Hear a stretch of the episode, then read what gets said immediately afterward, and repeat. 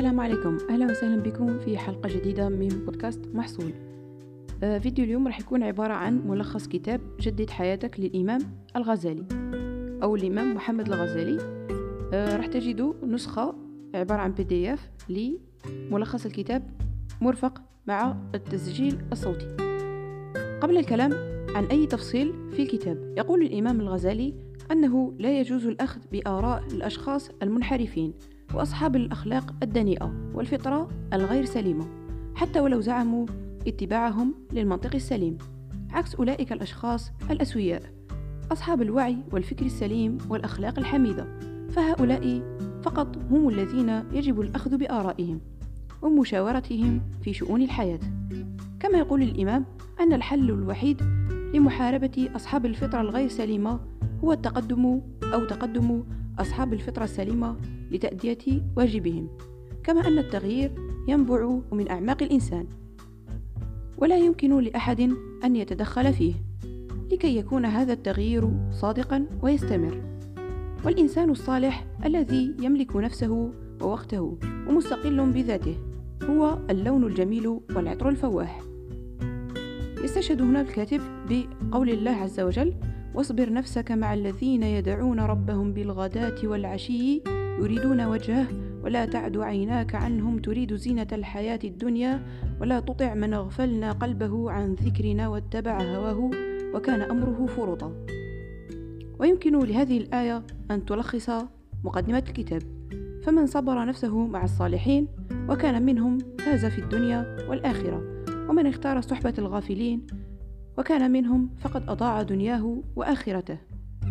وينهي الإمام الغزالي مقدمته بقوله إن تجديد الحياة لا يكون بإدخال مجموعة من العادات الحميدة على جملة من الأخلاق السيئة فهذه التشكيلة لن تخلق الفلاح للفرد. ثم ينتقل الكتاب أو الكاتب إلى عنوان جديد وهو يقول فيه عش في حدود يومك إن الأمان والعافية وكفاية يوم واحد قوى تتيح للعقل النير أن يفكر تفكيرا يمكنه من تغيير العالم كله. قال رسول الله صلى الله عليه وسلم ما طلعت شمس قط إلا بعث بجنبتها ملكان يناديان يسمعان أهل الأرض إلا الثقلين. يا أيها الناس هلموا إلى ربكم فإن ما قل وكفى خير مما كثر وألهى. وفي هذا الحديث تفضيل للقلة الكافية على الكثرة الملهية. وفي تطبيق عملي يقول الإمام الغزالي مقتبسا من كتاب ديل كارنيجي سل نفسك ما أسوأ ما يمكن أن يحدث لي ثم هيئ نفسك لقبول أسوأ الاحتمالات ثم ابدأ في إنقاذ ما يمكن إنقاذه. كما يقول الإمام أن خوف الناس وفزعهم من الموت هو بسبب ظنهم أن الموت نهاية وزوال وظلام وهو في الحقيقة عكس ذلك تماما فالموت طور آخر من الطور الإنساني. يتسم بزيادة الوعي وحدة الشعور كما أن أحداث الدنيا ستكون ذكريات تروى في مجالس الصالحين في الآخرة. ويحذر الإمام الغزالي رحمه الله من الحب الشديد للمال ويقول أن هذا الحب الشديد يفتك بالأبدان ويورث المذلة والهوان. قال رسول الله صلى الله عليه وسلم إن هذا المال خضر حلو فمن أخذه بسخاوة نفس بورك له فيه. ومن أخذه بإشراف نفس لم يبارك له فيه وكان كالذي يأكل ولا يشبع. كما أن الحزن يؤدي إلى التعب والمرض فقد قالت السيدة عائشة رضي الله عنها في حادثة الإفك عند بلوغ الحزن في قلبها أقصى الحدود ظننت أن الحزن فالق كبدي كما نعرف أن حزن سيدنا يعقوب على ابنه يوسف عليهما السلام أفقده بصره. فلنسأل الله العافية ونكثر من الدعاء في الصلاة فهي منهج الحياة ومنهج للعباد قال مطرف بن عبد الله لأن أعافى فأشكر أحب إلي من أن أبتلى فأصبر كيف نزيل أسباب القلق؟ لكي يرتاح الإنسان من القلق عليه أن ينحاز إلى الحق ويجتهد في اتباعه وتحريه له فقد يتعذر على الإنسان رؤية الحق في وسط الكم الهائل من الباطل. والحل في ذلك كثرة الدعاء والصلاة وطلب الهداية من الله عز وجل. فاللهم أرنا الحق حقا وارزقنا اتباعه وأرنا الباطل باطلا وارزقنا اجتنابه. كما أن العواطف المختلفة الإيجابية منها والسلبية تخل من توازن الإنسان وتمنعه من رؤية الحقائق. كما هي فيرى الحياة كما يريد هو. ليس بصورتها الحقيقية. لذا على الإنسان أن يفصل بين عاطفته وتفكيره ويجتهد لرؤية الحقائق بصورة مجردة ومحايدة. إذا أخذ الإنسان القرار السليم بعد المشورة عليه أن يشرع في العمل بجد. فلا يطل في الاستشارة ويضيع الوقت حتى تفتر همته. فتبقى أحلامه مجرد أفكار لا تضيف شيئا للأمة. خطط بوعي وذكاء. وخذ بالأسباب ثم توكل على الله وانطلق في تحقيق أحلامك. وساهم في نهوض الأمة ونصرة الدين. علم أثمره العمل. العلم أساس العمل. فالعلم على غير علم ودراية يمكن أن يؤدي إلى نتائج عكسية. كما أن العلم يجب أن يكون أساسه في القلب لكي ينتفع به صاحبه وينفع به غيره. فالعلم الذي يكون فقط باللسان هو حجة الله على بني آدم كما يقول الإمام الغزالي رحمه الله. والمعرفة التي تعلق في أذهاننا هي فقط تلك التي نستعملها. لذا يجب التعلم ثم تطبيق المعارف لترسخ في العقل والقلب. إذا أمرت بالخير فافعله أولا وإذا نهيت عن الشر فاسبق للبعد عنه. واحرص على رفع راية الأمر بالمعروف بأفعالك أولا ثم بأي وسيلة تراها نافعة وليس فيها أذية فذلك أقصر الطرق وأصحها. كما لو أن كل إنسان خلا بنفسه يحاسبها ويصلحها ويعلمها ويطورها لكان أربى وأزكى عند الله. آفات الفراغ. يقول الرسول صلى الله عليه وسلم نعمتان مغبون فيهما كثير من الناس الصحة والفراغ. فالكثير منا لا يقدر نعمتا الصحة والوقت التي وهبنا الله إياها. ومن أفضل ما قال الإمام الشافعي رحمه الله إذا لم تشغل نفسك بالحق شغلتك بالباطل. كما يروى عن عمر بن الخطاب رضي الله عنه أنه قال إني لأرى الرجل فيعجبني فإذا سألت عنه فقيل لي لا حرفة له سقط من عيني. ويروى عنه رضي الله عنه أنه قال إذا أراد الله بقوم سوءا منحهم الجدل ومنعهم العمل. فلا يمكن لهذه الأمة أن تنهض إذا لم تغير من نمط العيش وتتخلص من آفات البطالة والفراغ.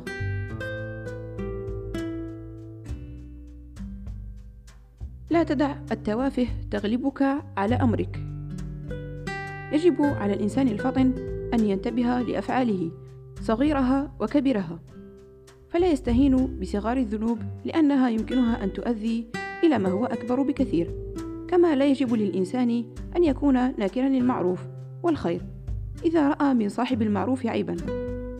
يقول الرسول صلى الله عليه وسلم لا يفرك أي بمعنى يكره مؤمن مؤمنة إذا كره منها خلقا رضي منها آخر.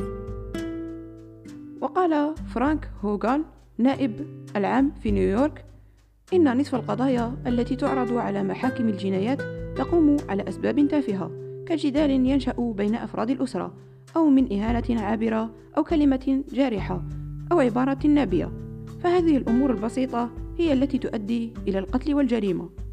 كما أن هناك منا أشخاص قساة بطبعهم وكلما توالت هذه القسوة والإهانة على شخص ما أضعفته وكسرته وأدت إلى مشاكل ومشاحنات كبيرة بين أفراد المجتمع.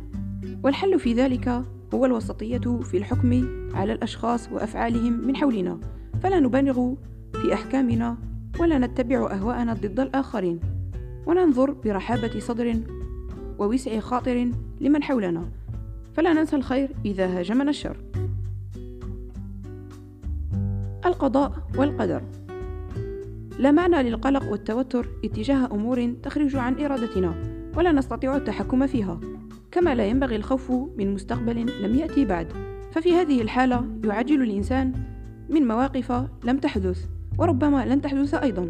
كما أن الحديث عن القدر لنبذ القلق والتشاؤم وليس ذريعة للكسل والخمول.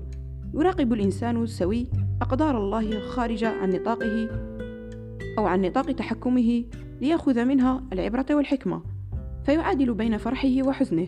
ولا يكترث للمشاعر لدرجة البرود فتتساوى عنده هذه المشاعر. فمهما كان ما يشعره بها فهو غير دائم لأن التغيير سنة من سنن الكون. بالحق أنزلناه وبالحق نزل. لا يمكن للإنسان أن يمشي في هذه الحياة بدون حدود وضوابط تحكمه. فمن خلق هذا الكون هو من يعرفه حق المعرفة وهو من وضع ضوابطه. فدستور الحياة هو القرآن والسنة. فمن اتبعهما فقد اهتدى واستراح وأما من أعرض عنهما فقد ضل وشقى.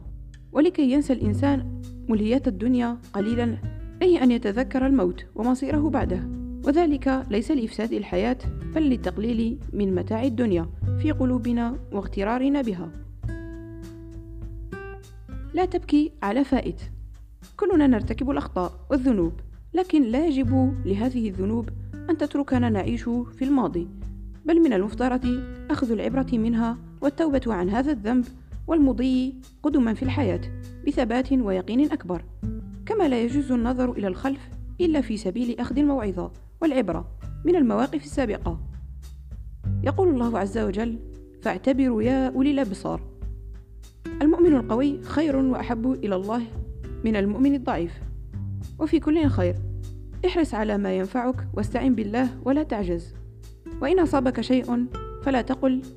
لو إني فعلت لكان كذا وكذا ولكن قل قدر الله وما شاء فعل. فإن لو تفتح عمل الشيطان. حياتك من صنع أفكارك. حاضرنا ومستقبلنا هما نتاج لما يدور في بالنا من الأفكار التي نصنعها نحن ونؤمن بها. حتى أننا نتبناها في بعض الأحيان بدون أي دليل عن صحتها. فالنفس وحدها هي مصدر التوجيه حسب ما يغمرها من أفكار ويسبغها من عواطف. نحن يمكننا أن نصنع من أنفسنا مثلا رائعة إذا أردنا. فنحن من نختار التغيير ونمضي فيه. ويمكننا أن نحدث تغييرا جذريا في حياتنا. يقول الإمام محمد الغزالي في هذا الكتاب إن القاضي النزيه يكمل بعدله نقص القانون الذي يحكم به. أما القاضي الجائر فهو يمكنه الميل بالنصوص المستقيمة وكذلك نفس الإنسان حيث تواجه ما في الدنيا من تيارات وأفكار والرغبات والمصالح.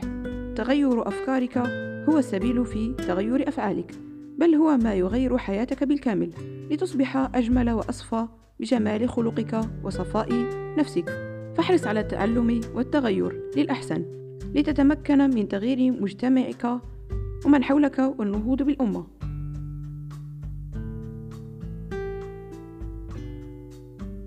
الثمن الباهظ للقصاص. قال رجل لعمر بن العاص والله لا تفرغن لك. قال هناك وقت في الشغل؟ قال كأنك تهددني؟ والله لئن قلت لي كلمة لأقولن لك عشرة. قال عمرو وأنت والله لئن قلت لي عشرا لا أقول لك واحدة وفي قصة أخرى شتم رجل أبا ذر الغفاري فقال له أبو ذر يا هذا لا تغرق في شتمنا ودي للصلح موضعا فإنا لا نكافئ من عصى الله فينا بأكثر من أن نطيع الله فيه. وفي قصة أخرى مر المسيح بقوم من اليهود فقالوا له شرا فقال لهم خيرا فقيل له إنهم يقولون شرا وتقول لهم خيرا؟ فقال كل واحد ينفق مما عنده. وقال الحسن المؤمن حليم لا يجهل وإن جهل عليه. وتلا قوله تعالى وإذا خطبهم الجاهلون قالوا سلاما وقال يزيد بن حبيب إنما كان غضبي في نعلي فإذا سمعت ما أكره أخذتها ومضيت. وقال رسول الله صلى الله عليه وسلم ثلاث من كن فيه أواه الله في كنفه وستر عليه برحمته. وأدخله في محبته. قيل من هن يا رسول الله؟ قال من إذا أعطي شكر وإذا قدر غفر وإذا غضب فتر. صدق رسول الله صلى الله عليه وسلم. لا تنتظر الشكر من أحد. يقول الإمام محمد الغزالي أنه يقال أن شكر المنعم واجب ثقيل وأننا على قدر ما نحتاج ونأخذ على قدر ما نستخف وننسى. ويقول الرسول صلى الله عليه وسلم من أعطي عطاء فوجد فليجزي به فإن لم يجد فليثني به فمن أثنى به فقد شكره ومن كتمه فقد كفره. وقال أيضا صلى الله عليه وسلم من لم يشكر القليل لم يشكر الكثير والتحدث بنعمة الله شكر وتركها كفر والجماعة رحمة والفرقة عذاب. من هنا نرى أهمية شكر المعروف لكن مع ذلك فقد حثنا الإسلام على إخلاص النية في تقديم المساعدة إلى الله عز وجل وانتظار الأجر منه وحده جل وعلا. وعدم انتظار الشكر أو الثناء من أحد فذلك يفسد العمل ويذهب الأجر. هل تستبدل مليون جنيه بما تملك؟ إن الله يكلفك بقدر ما يعطيك. تظن أن الله أعطاك ما تملك من ثروة فقط للمتعة والتفاهة ويحكي الإمام هنا قصة الرشيد الذي قال لابن السماك عظني وقد أتى بماء ليشربه فقال يا أمير المؤمنين لو حبست عنك هذه الشربة أكنت تفديها بملكك؟ قال نعم فلو حبس عنك خروجها أكنت تفديها بملكك؟ قال نعم قال فما خير في ملك لا يساوي شربة ولا بولة فأصحاب النعم والمواهب مطالبون ببذل المزيد من الجهد والنشاط لينتفعوا بما آتاهم الله من فضله وينفعوا به غيرهم. كما أن المنغصات والفوضى في الحياة الفرد تأتي من زيغهم عن الطريق الصحيح وانغماسهم في الباطل وفي شهواتهم أكثر من التي في حياة نفسها. أنت نسيج وحدك. كل فرد منا هو شخص فريد من نوعه. لا يشبه أحدا آخر في هذا الكون ويمتلك قدرات خارقة. لكننا نضع أنفسنا في حيز ضيق. فلا نعرف قيمتنا وقدراتنا الحقيقية. لذا حاول دائما الحصول على ما هو أفضل. لذلك حاول دائما الحصول على ما هو أفضل. والقيام بما هو أحسن لك. فأنت تمتلك القدرة على ذلك. يجب أن يكون لكل فرد منا أهدافا قيمة في هذه الحياة. حسب ميوله وخصائصه التي وضعها الله عز وجل فيه. ونظر للحياة من زوايا مختلفة يغنينا ويجعلنا محاطين بكل جوانب الموضوع وأقرب لرؤية الصواب من جهات مختلفة. لذلك جعلنا الله مختلفين في طريقة التفكير ومتفاوتين في درجة التعمق في المواضيع. يكون لوجهات النظر المختلفة ضوابط وأهداف معينة تنظم سيرها وتمنعها من الانحراف بالرأي والتفكير إلى هوى النفس أو السير في الحياة كالمجانين. اصنع من الليمونة المالحة شرابا حلوا. من يدري فربما ما يمر به أحدنا من صعوبات في الحاضر هو خير لنا في المستقبل أو تدريب يقوينا ويزيد من مهاراتنا لتحمل ما هو قادم بجهد أقل. يقول ابن تيمية رحمه الله مستهينا بإيذاء أعدائه له. إن سجني خلوة ونفي سياحة وقتلي شهادة. العمل بين الأثر والإيثار. أفضل طريقتين لإسعاد نفسك هي حثها على فعل ما هو مفروض عليك من واجبات في هذه الدنيا للفوز في الدارين. كما أن حب الآخرين والإحسان لهم ومساعدتهم وإسعادهم جزء مهم جدا من واجباتك تجاه نفسك قبل أن يكون تجاه الآخرين. لذا فلنسعد أنفسنا باتباع أحسن الأخلاق في معاملاتنا وبتقديم كل الحب والمساعدة لكل من نلقاه في طريقنا. هذه طريقة الإسلام وصفة المسلم. يقول رسول الله صلى الله عليه وسلم على كل مسلم صدقة. قيل أرأيت إن لم يجد؟ قال يعتمل بيده فينفع نفسه ويتصدق. قيل أرأيت إن لم يستطع؟ قال يعين ذا الحاجة الملهوف. قيل له أرأيت إذا لم يستطع؟ قال يأمر بالمعروف أو الخير. قال أرأيت إن لم يفعل؟ قال يمسك عن الشر. فإنها صدقة. ويقول عليه الصلاة والسلام في حديث آخر على كل نفس في كل يوم طلعت عليه الشمس صدقة منه على نفسه. من أبواب الصدقة التكبير وسبحان الله والحمد لله ولا إله إلا الله وأستغفر الله ويأمر بالمعروف وينهى عن المنكر ويعزل الشوكة عن طريق الناس والعظمة والحجر وتهدي الأعمى وتسمع الأصم والأبكم حتى يفقه وتدل المستدل على حاجة له قد علمت مكانها وتسعى بشدة ساقيك إلى اللهفان المستغيث وترفع بشدة ذراعيك مع الضعيف كل ذلك أبواب الصدقة منك على نفسك إذا سرك عمل خير فعلته وساءك ارتكابك لشر ما فهذا يدل على أنه لديك هدف تمشي نحوه. فقد سأل رجل النبي صلى الله عليه وسلم فقال ما الإثم؟ قال إذا حاك في نفسك شيء فدعه. قال فما الإيمان؟ قال إذا ساءتك سيئتك وسرتك حسنتك فأنت مؤمن. صدق رسول الله صلى الله عليه وسلم. فلا خير في إنسان لا يهتم لأمر أمته. ويبحث فقط على مكسبه الشخصي في الموضوع كالعامل الذي لا يهمه أداء وظيفته بشكل لازم لكنه لا يتوقف عن الكلام عن الزيادة في الأجور والمنح. ولا تكن كأولئك المنسحبين من معركة أحد الذي قال الله عز وجل فيهم وطائفة قد أهمتهم أنفسهم يظنون بالله غير الحق ظن الجاهلية يقولون هل لنا من الأمر شيء؟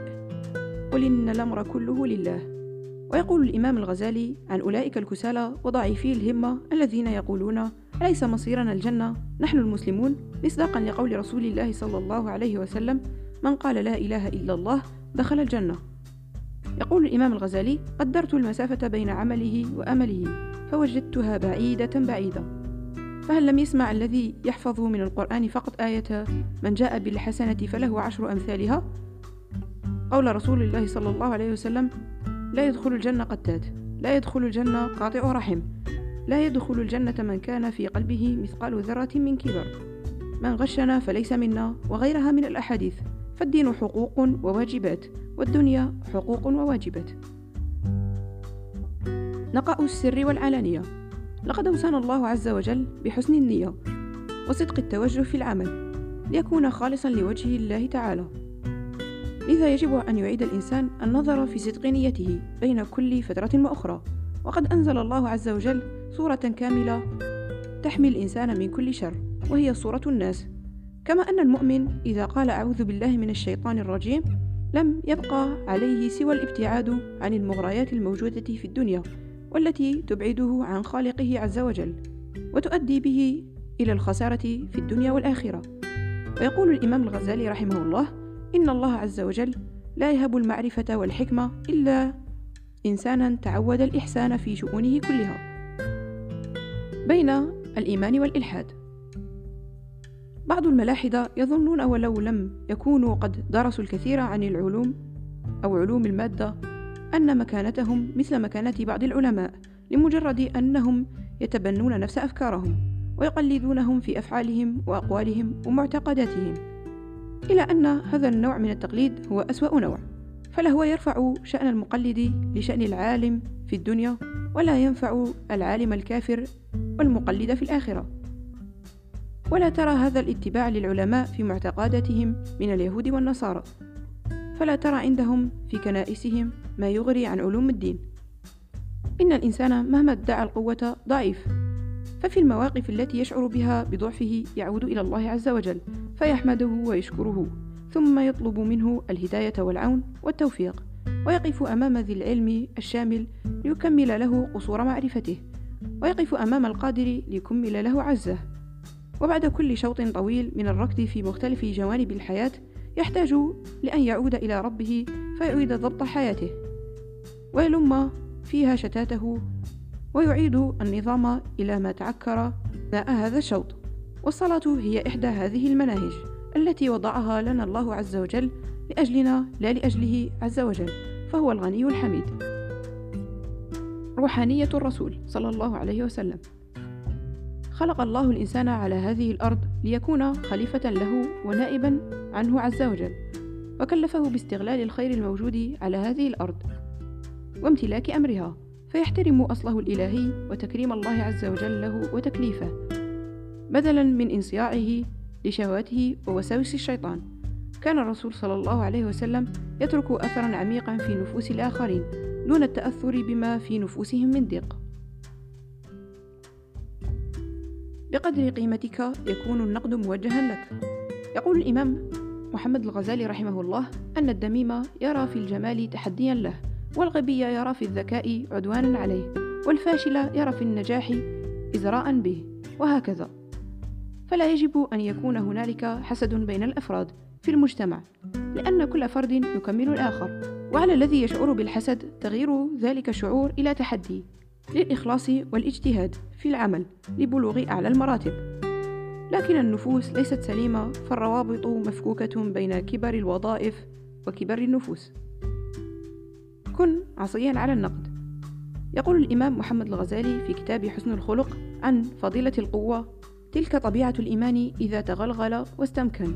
إنه يضفي على صاحبه قوة تنطبع على سلوكه كله. فإذا تكلم كان واثقا من قوله وإذا اشتغل كان راسخا في عمله. وإذا اتجه كان واضحا في هدفه. وما دام مطمئنا في الفكرة التي تملأ عقله وإلى العاطفة التي تملأ قلبه فقلما يعرف التردد سبيلا إلى نفسه وقلما تزحزحه العواصف العاتية على موقفه. قال رسول الله صلى الله عليه وسلم لا تكونوا إمعة تقولون إن أحسن الناس أحسنا وإن ظلموا ظلمنا. ولكن وطنوا أنفسكم إن أحسن الناس أن تحسنوا وإن أساءوا فلا تظلموا. كما يوصي الإمام الفاضل بأن لا يعطى للعامة فوق ما لها من حقوق عقلية وخلقية لأن مستويات الجماهير لا تتحكم في تقرير الحق أو تحديد الفضيلة. كما لا يجب على الفرد أن يتأثر كثيرا بمدح الآخرين أو قدحهم. فيقول الإمام أنه لو عرفت دوافعهم ووزنت حقيقتهم ما ساوت شيئا. ويقول أبراهام نيلكون لو أنني حاولت أن أقرأ فقط لأرد على ما وجه إلي من نقد لشغل هذا وقتي كله ولعطلني عن أعمالي لكنني أبذل جهدي في أداء واجبي. فإذا أثمرت جهودي فلا شيء من النقد الذي يوجه إلي يهمني بعد ذلك. إنه سيختفي من تلقاء نفسه. أما إذا خاب مسعاي فلو أقسمت الملائكة على حسن نيتي ما أجداني هذا فتيلة حسبي فيما يتصل بآراء الناس أني أديت واجبي وأرضيت ضميري. حاسب نفسك.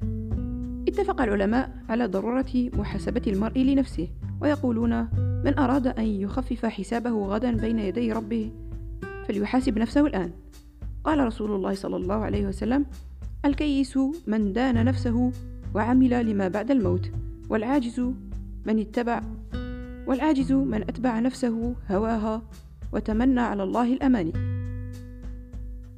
ويحكي ديل كارنيجي في نقطة محاسبة النفس أن أحد رجال المال الأمريكيين كان يخصص مساء يوم السبت في كل أسبوع لمراجعة ما كسب واكتسب والتأمل في كل مقابلة تمت وكل مناقشة دارت وكل عمل أنجز.